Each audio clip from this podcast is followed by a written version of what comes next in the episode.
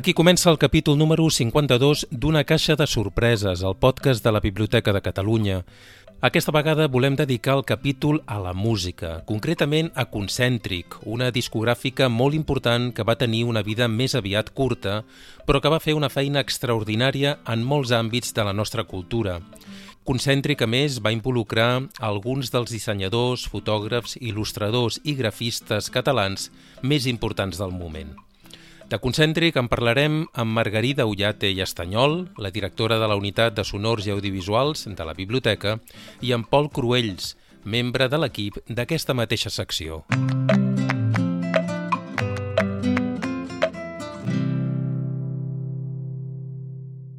Una caixa de sorpreses, el podcast de la Biblioteca de Catalunya.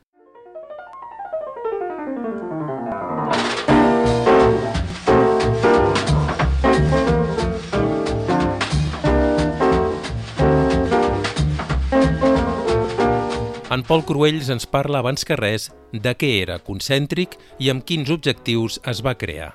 Concèntric és una productora discogràfica catalana que va néixer en l'època del franquisme, després de la Guerra Civil Espanyola, als anys 60, concretament l'any 64, i en molt pocs anys, fins l'any 73, va treure algunes de les referències més mítiques i més importants del que és la música en català.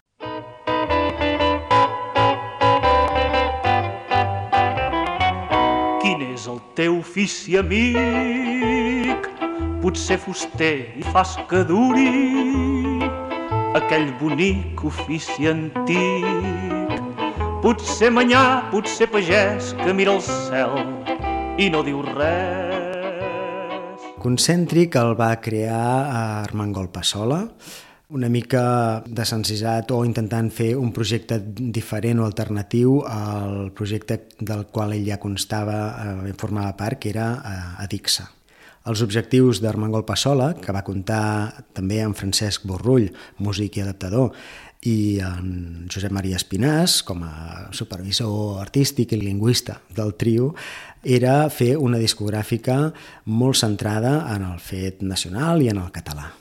Com ens deia en Pol, Concèntric va ser creada per Armengol Passola. Era empresari, era el propietari d'aquesta botiga que es deia Mobles Maldà, a Barcelona, i com a promotor i defensor de la cultura catalana en temps de repressió doncs, va pensar que era interessant escindir-se de Dixa i fer un projecte propi molt més centrat en la reivindicació de la cultura i la llengua catalana. Armengol Passola va tenir el suport de dues figures importants a l'hora de tirar endavant el projecte de Concèntric. Va comptar amb el projecte amb l'experiència i els coneixements musicals de Francesc Borrull, que es va dedicar sobretot a fer els arranjaments musicals, els acompanyaments d'una sèrie de cantautors que potser es presentaven a la discogràfica amb unes idees musicalment senzilles, amb cançons fetes a veu i piano o veu i guitarra, i ell va doncs, fer arranjaments, de tot tipus, semiorquestrals o de banda o de grup petit perquè el disc tingués una, una coherència, una riquesa musical més eh, interessant. Per altra banda, Josep Maria Espinàs era l'altra branca dedicada més a la supervisió de l'ús de la llengua, a la correcció dels propis textos que portaven els artistes i fins i tot doncs, l'elaboració dels textos que sorgien que emanaven de la pròpia discogràfica. Podien ser textos eh, destinats a publicitat, a, a, als mitjans de comunicació o el que anava, tot allò que anava imprès en els, en els propis discos.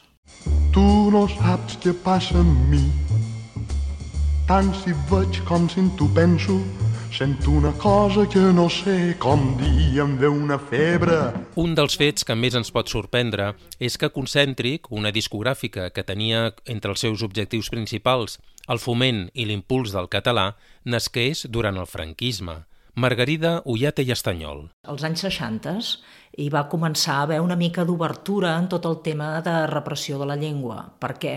De la mateixa manera que es va haver d'obrir en el pla religiós, que tot que ho impregnava tot, es va obrir en altres àmbits i en l'àmbit cultural doncs, va permetre que la llengua, i sí que va lligat amb la religió perquè fins aleshores les misses no es podien dir en català, la llengua es va començar a editar, es va començar a poder cantar en públic, es va començar a poder comunicar en català.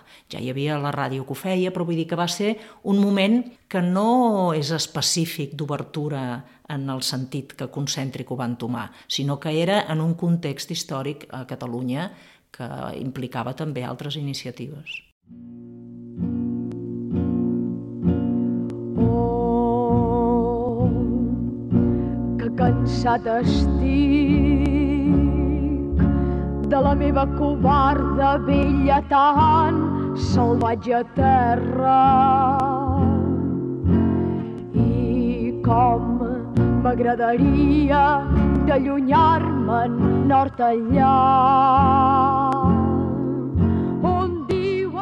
Hem de tenir en compte que als anys 60 també hi havia encara una supervisió fèrria de les autoritats i es demanava a tots aquells que publicaven, editaven, fossin llibres o fossin discos, una revisió prèvia de les lletres. Concèntric havia d'enviar abans d'enregistrar-los o abans de publicar-los com a mínim eh, les lletres que els diferents artistes pensaven eh, publicar i eh, rebien tot allò que se'n deia la censura. És divertit perquè eh, Concèntric té algunes de les cançons més mítiques o més eh, cançons protesta mm, que la gent recordarà, com per exemple L'Estaca, que es va publicar a Discos Concèntric, o eh, Què volen aquesta gent, de Maria Almar Bonet, que també va ser perseguida i fins i tot es va demanar que es retirés d'algunes botigues. De matinada han trucat, són el replà de l'escala, la mare quan surt obrir porta la bata posada que volen aquesta gent que truquen de matinada. Seu fill que no és aquí. Concèntric és d'aquelles discogràfiques que va tenir discos prohibits, discos censurats o discos que s'havien de retirar de les botigues eh, i realment és l'exponent, diria gairebé màxim, de tot el que es va publicar de la nova cançó a Catalunya i dels 16 jutges. Setze jutges, setze jutges mengen, mengen fetge, pengen un penjat, bam, bam, bam, setze jutges, setze jutges mengen, mengen fetge, d'un penjat ja s'ha acabat. Ens aturem un moment en aquest grup emblemàtic format per un seguit de cantautors que va representar un símbol, no només per la discogràfica, sinó també per al país. Era el nom amb el que es coneixien tots els membres que en formaven part i que es van anar afegint fins que suposo que el nom es va donar quan es van tancar, perquè si no haurien hagut de ser un jutge, dos jutges, etc. Però sí, aquest era un, un símbol de concèntric fins al punt que un dels discos LPs grans editats per Concèntric era un recull de les músiques de cadascun d'ells. En Pol recorda alguns dels noms més representatius dels 16 jutges. Aquest nucli dur del Miquel Porter Moix, en Delfia Vella, Martí Llaurador, la Maria Amèlia, Pedrerol, i que es van anar incorporant i van anar agafant nous talents com la Maria del Mar Bonet, Joan Manuel Serrat, eh, per descomptat aquí Copí de la Serra i el mateix Josep Maria Espinàs, que va començar editant uns discos que eren adaptacions de la chanson francesa, cançons de Brassens, de Georges Brassens, adaptant-los al català. A mesura que el grup dels 16 jutges anava creixent, van anar incorporant eh, personalitats musicals com Guillermina Mota o, per exemple, el mateix Lluís Llach, Quan estava tot sol amb la mare a l'hivern a la vora del foc d'una antiga casa catalana en un poble petit i polsós que feliç era mare, que feliç era jo, que feliç era mare, que feliç era jo. I sentia brama la tempesta i els pagesos fugia esbarats, buzinar perquè la tramuntana els esposa la closa i el blat, que feliç era mare, Fa un moment parlàvem dels 16 jutges i de com Concèntric va esdevenir un segell de referència pel que fa a la nova cançó. Però aquesta discogràfica va voler anar molt més enllà i així abarcar altres gèneres diferents. Concèntric com a discogràfica amb una clara voluntat modernitzadora del sector es va obrir a tots els gèneres musicals. Es poden dibuixar algunes línies de treball, com ara aquells discos dedicats a la reivindicació de la llengua o l'estudi del català, també tot allò que es referia a les variants dialectals, en podríem dir, del català, recollint parlars de, per exemple, les Illes Balears o de la Catalunya Nord, intentant deixar molt clar el tema, el concepte dels països catalans, o, per exemple, altres gèneres musicals, com pot ser els espirituals negres, que en deien, eh, de la mà de Jaume Arnella, per exemple, tota la banda de reivindicació de la música popular i folclòrica a través de l'edició d'alguns discos o referències musicals del grup de folk, d'alguns d'aquests artistes, els discos mítics, per exemple, del, del Festival Folk, que es va fer a Barcelona, al Parc de la Ciutadella, mítics, i també altres gèneres com pot ser la música progressiva o el jazz, ja que van publicar algunes de les referències mm, primeres de Tete Montoliu.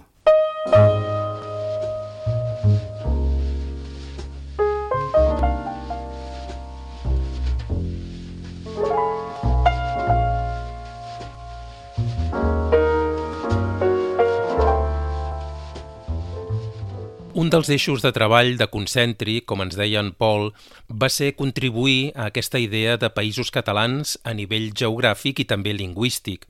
En aquest sentit, val la pena recordar alguns dels treballs que van publicar. Va ser molt interessant perquè va dedicar-se a publicar dels primers discos de la Maria Almar Bonet, cançons de Menorca, els discos de Guillem de Fac, mallorquí, i també a altres eh, reculls de cançons populars, tradicionals catalanes, com aquest disc d'en Pere Callarí, de Pau i Jordi. En aquesta mateixa línia cal destacar el disc eh, Cançons Occitanes de l'any 68 enregistrat per la Dolors Lafit i cantat íntegrament en occità. En una vila rossa que ja la nit recull un noi amb cara trist es miren els meus ulls en una vila morta dins els cafès deserts. Al vespre se m'emporta els somnis que eren verds Un aspecte important de Concèntric va ser la modernitat que va aportar aquest segell a la cultura del país. No només va dedicar-se a publicar música i músics amb cançons d'ara, actuals, sinó a adaptar èxits internacionals de la música pop, del que escoltava el jovent, al català tenint molt impacte i creant veritables èxits com per exemple La Casa del Sol Naixent, en català, per exemple.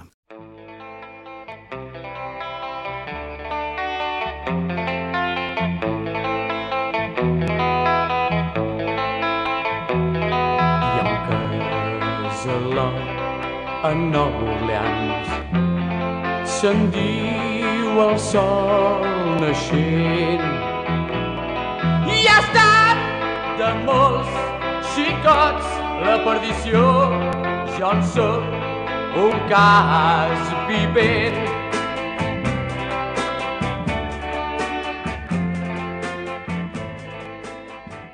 A més de tot això, aquesta modernitat, aquesta cultura més pop o iaier, fins i tot es podria dir, es veia reflectida en alguns dels seus dissenys perquè visualment volia ser una discogràfica amb un disseny molt més trencador, innovador, etc, fent servir i eh, utilitzant els serveis de dissenyadors gràfics, de fotògrafs eh, moderns de l'època i també a nivell de màrqueting, utilitzant tècniques de màrqueting, de presència als mitjans o de col·laboració amb altres eh, editores, com podia ser, per exemple, la revista Cavall Fort, editant conjuntament materials, discos, perquè tinguessin major repercussió i una presència doncs, molt més actual. Vinculat a Concèntric hem de parlar també d'un espai, un local, on tenien lloc la majoria de presentacions i actes relacionats amb aquesta discogràfica. L'epicentre de la Modernó a Barcelona, a la part alta de Barcelona, on poder-hi fer presentacions de discos, espectacles en viu, i que venia a ser una mica aquell local de trobada d'aquest jovent més modern, més alternatiu, i on van eh, haver-hi molts espectacles que el propi Josep Maria Espinàs presentava o on ell actuava i es presentaven eh, nous títols o nous artistes de, del segell concèntric. Aquest local amb què comptava Concèntric és la mítica Cova del Drac, que es va inaugurar mitjans dels anys 60, on hi va haver moltíssima moguda de la modernó d'aquella època, en el carrer Tosset, fins i tot hi havia publicitat eh, així tipus anglòfila, eh, anomenant-lo Tosset Street, com per fer-se més els moderns encara, i on van, eh, anys després es van seguir fent concerts de jazz, etc i jo crec que és un dels llocs mítics que ha quedat en, el, en la memòria del col·lectiu dels barcelonins. Love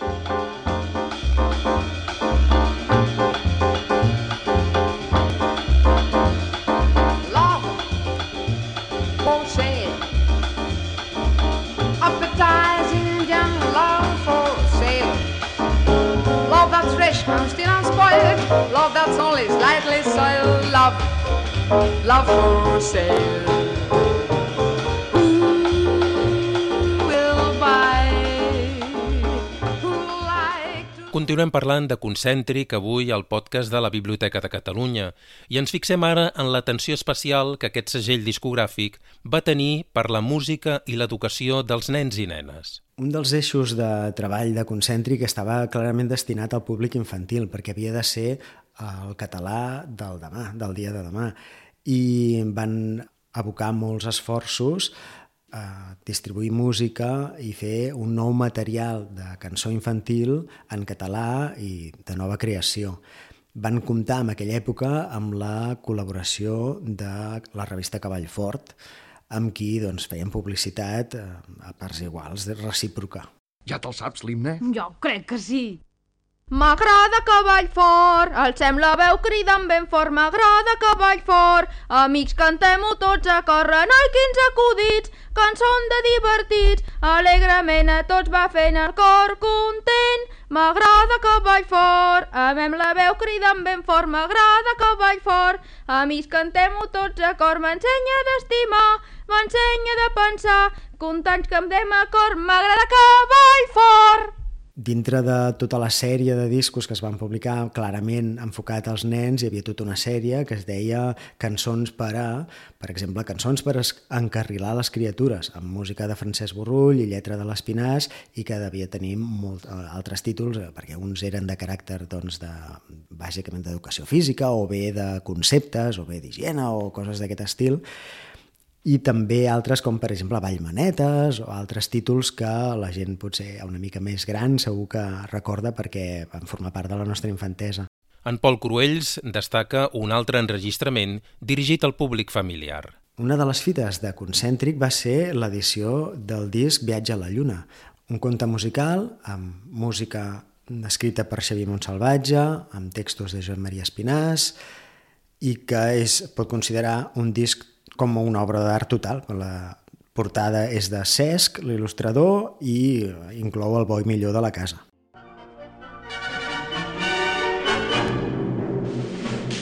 Gent que vulgui viure en un món millor i que estimi la gent que no coneix.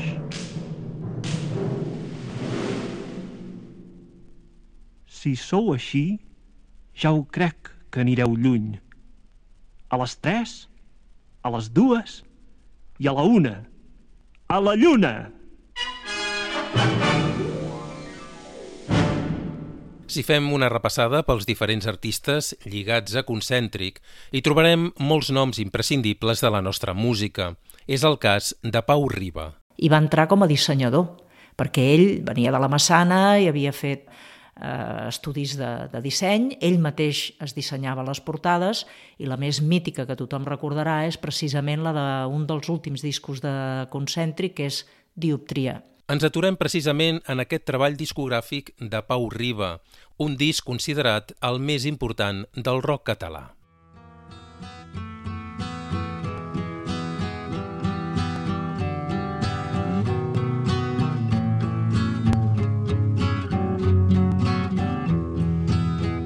Sortirà el sol i el gall ja haurà cantat durant la missa d'ahir a mitjanit.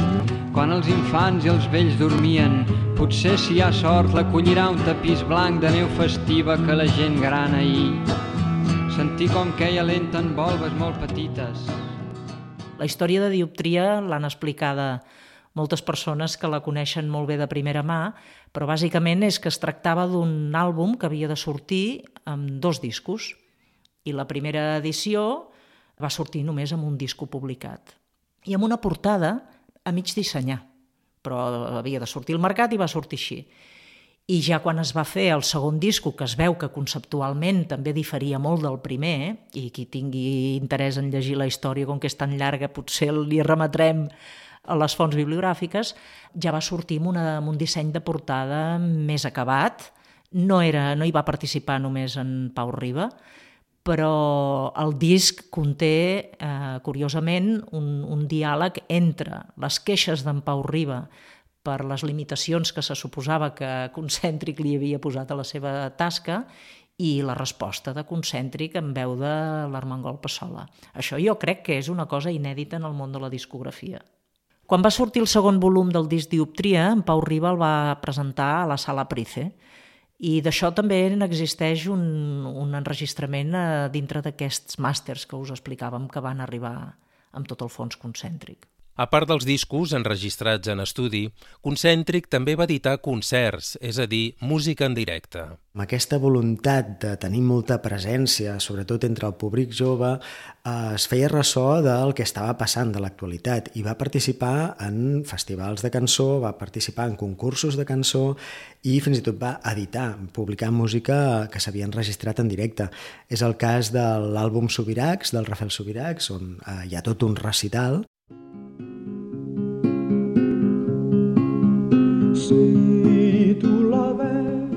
al meu poble veí, digues-li adeu tant per tu com per mi.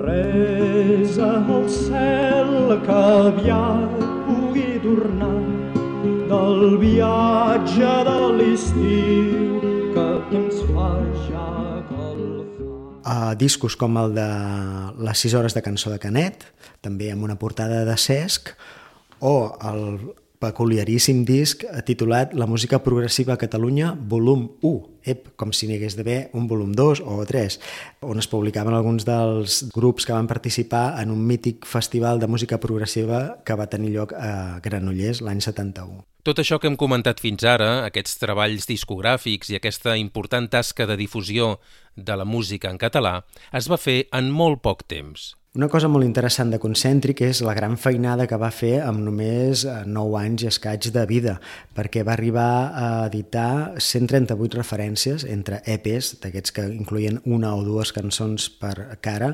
fins a llargues durades, els LPs més clàssics que coneixem ara.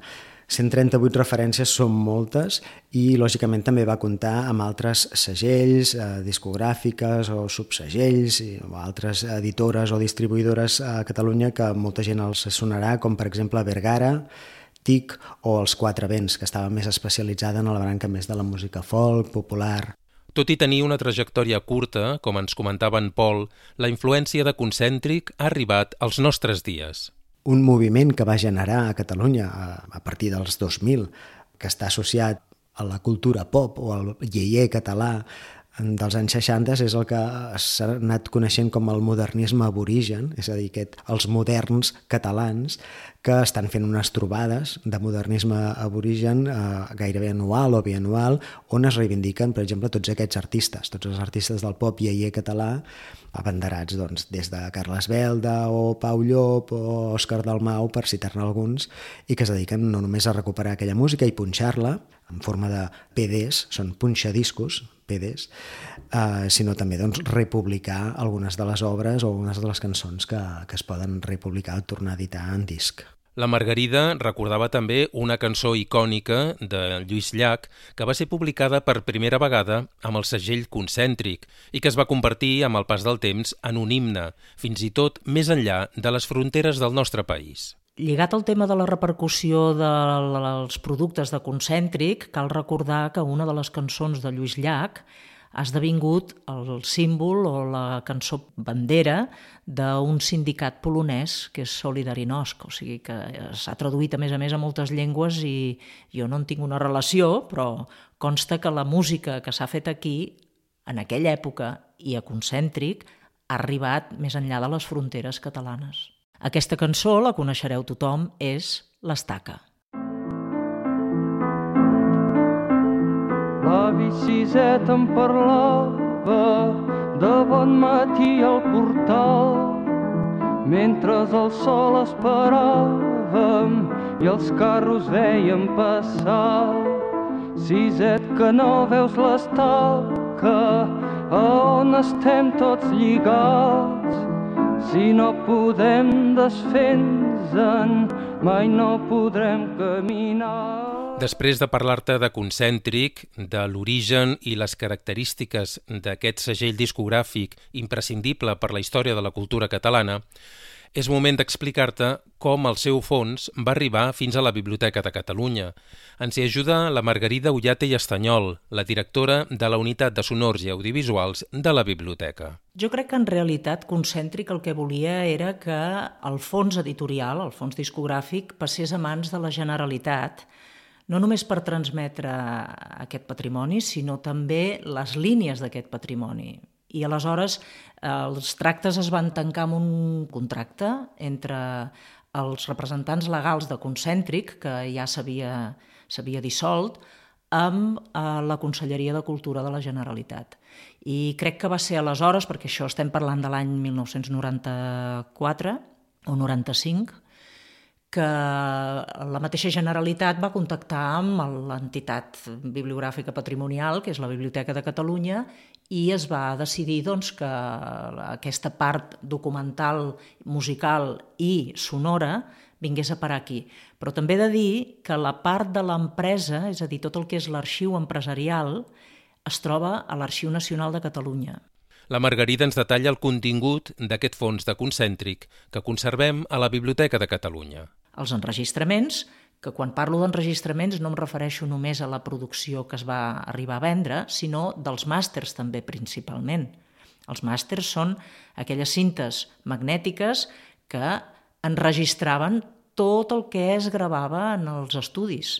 Llavors, a partir d'aquí, algú triava què era el que acabava sortint comercialment. Doncs bé, aquesta part constava dels fons sonors i també dels fons musicals eh, de partitures, tots els arranjaments que havia fet en Borrull, també una part contractual amb els intèrprets, tot això, quan va arribar a la Biblioteca de Catalunya, també es va dividir.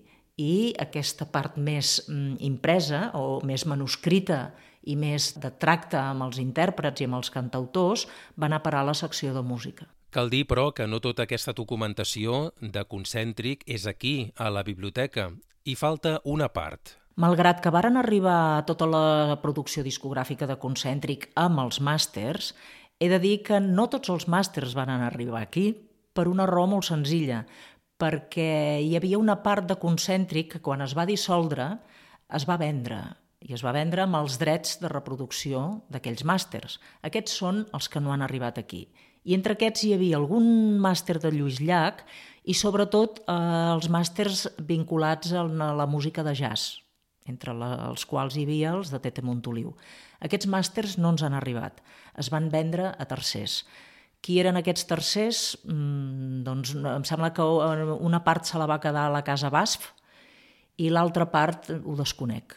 L'any 2014, coincidint amb el 50è aniversari de la creació d'aquest segell discogràfic, la Biblioteca de Catalunya va organitzar una gran exposició titulada Concèntric, una discogràfica en temps difícils. Els comissaris eren la Margarida i en Pol i es mostraven algunes de les peces més importants del fons que conservem aquí. Fins i tot van passar alguns dels protagonistes d'aquella bonica història per l'exposició. Vam poder parlar amb ells i jo recordo concretament el dia que vaig parlar amb Francesc Guitar, fotògraf i artista visual, amb qui vam estar comentant el tema fins i tot del logotip. que una discogràfica tingués un logotip no era res d'estrany, però sí que denotava modernor i una nova manera d'adreçar-se al públic, intentar fer un màrqueting molt més visual i agressiu. Em comentava Francesc Guitar que ell va fer com una adaptació inspirada en dissenys de Sobiracs. Va servir aquest logotip no només per identificar els discos, on hi havia un cercle concèntric amb un drac a dintre, sinó també, per exemple, el logotip de la Cova del Drac, el mític local on s'hi van eh, fer molts eh, esdeveniments relacionats amb la discogràfica. Durant aquests últims anys, el fons de concèntric ha servit per a diversos treballs i fins i tot, en algun cas, s'ha tornat a editar. La biblioteca, en rebre els màsters, va rebre una part de la potestat de difondre allò, que en realitat era el que pretenia l'Armengol Passola. L'Armengol Passola no volia que els màsters quedessin tancats amb una institució i prou. Volia que allò revifés, que allò s'estudiés, que allò servís per al que realment ha servit alguna vegada, i és a dir, que algú vingués aquí, redescobrís això i ho tornés a editar. Una d'aquestes persones, que per cert també va venir a veure aquesta exposició de la que ens parlava en Pol, ha estat eh, l'Òscar Mau, que ha publicat diversos volums d'un recull d'obres de concèntric que es diu Pop a la catalana.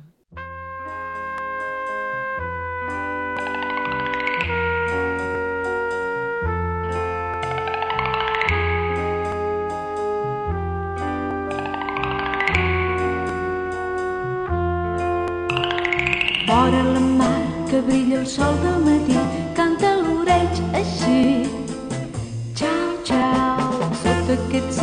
cel d'Itàlia em vas ensenyar així a saludar.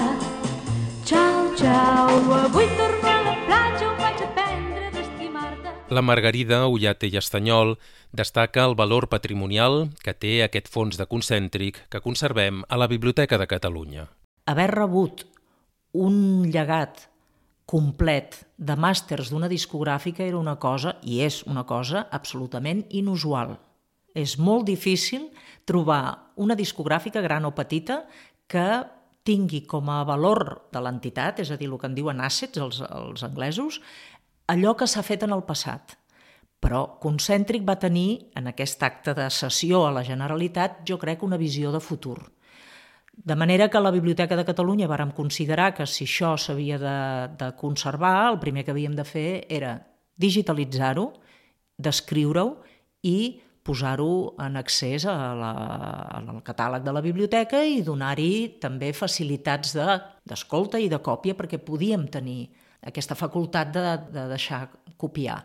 Entre altres coses perquè és una de les limitacions de la llei de propietat intel·lectual que atorga a les biblioteques, museus i centres educatius i per altra banda perquè dintre del contracte de concèntric aquesta potestat hi estava relacionada.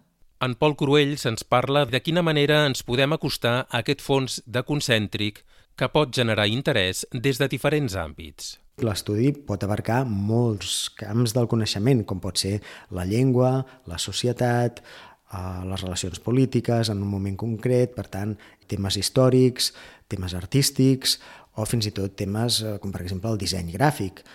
A més del propi Pau Riba o Francesc Guitart, a Jordi Fornes, dissenyador molt important a Catalunya que es va dedicar també al món editorial, doncs va dissenyar algunes de les portades d'algunes sèries de Concèntric i ha estat objecte d'estudi per altres dissenyadors actuals.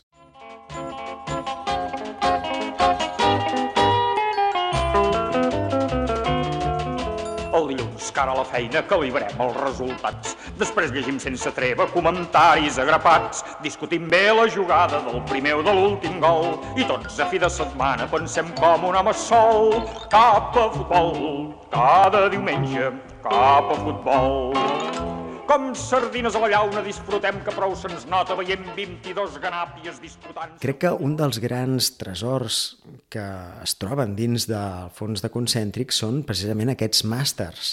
Els màsters enregistrats en els estudis de gravació que tots sabem que contenen molta més informació que aquella que acaba publicant-se en el disc una de les vies d'investigació que queda sempre oberta és veure d'un determinat artista o d'un determinat gènere tot allò que va quedar pendent de publicar-se i que pot ser doncs, molt interessant o curiós o digne d'estudi.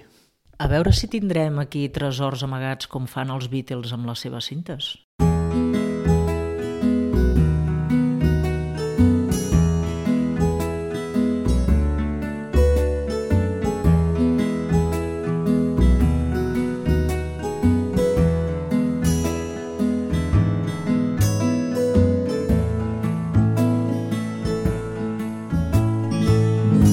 Fins aquí arriba el capítol número 52 d'Una caixa de sorpreses, el podcast de la Biblioteca de Catalunya, que avui hem volgut dedicar a Concèntric, una discogràfica que va involucrar no només alguns dels músics més importants del nostre país, sinó també destacats dissenyadors, fotògrafs, il·lustradors i grafistes i que va impulsar fins i tot un local mític, com va ser la Cova del Drac.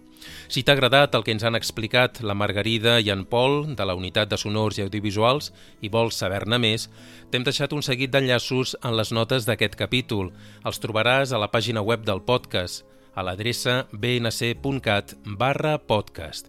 I sàpigues també que ens pots escriure sempre que vulguis per preguntar o comentar qualsevol cosa relacionada amb aquest capítol del podcast o amb el podcast en general. La nostra adreça de correu electrònic és podcast arroba bnc.cat.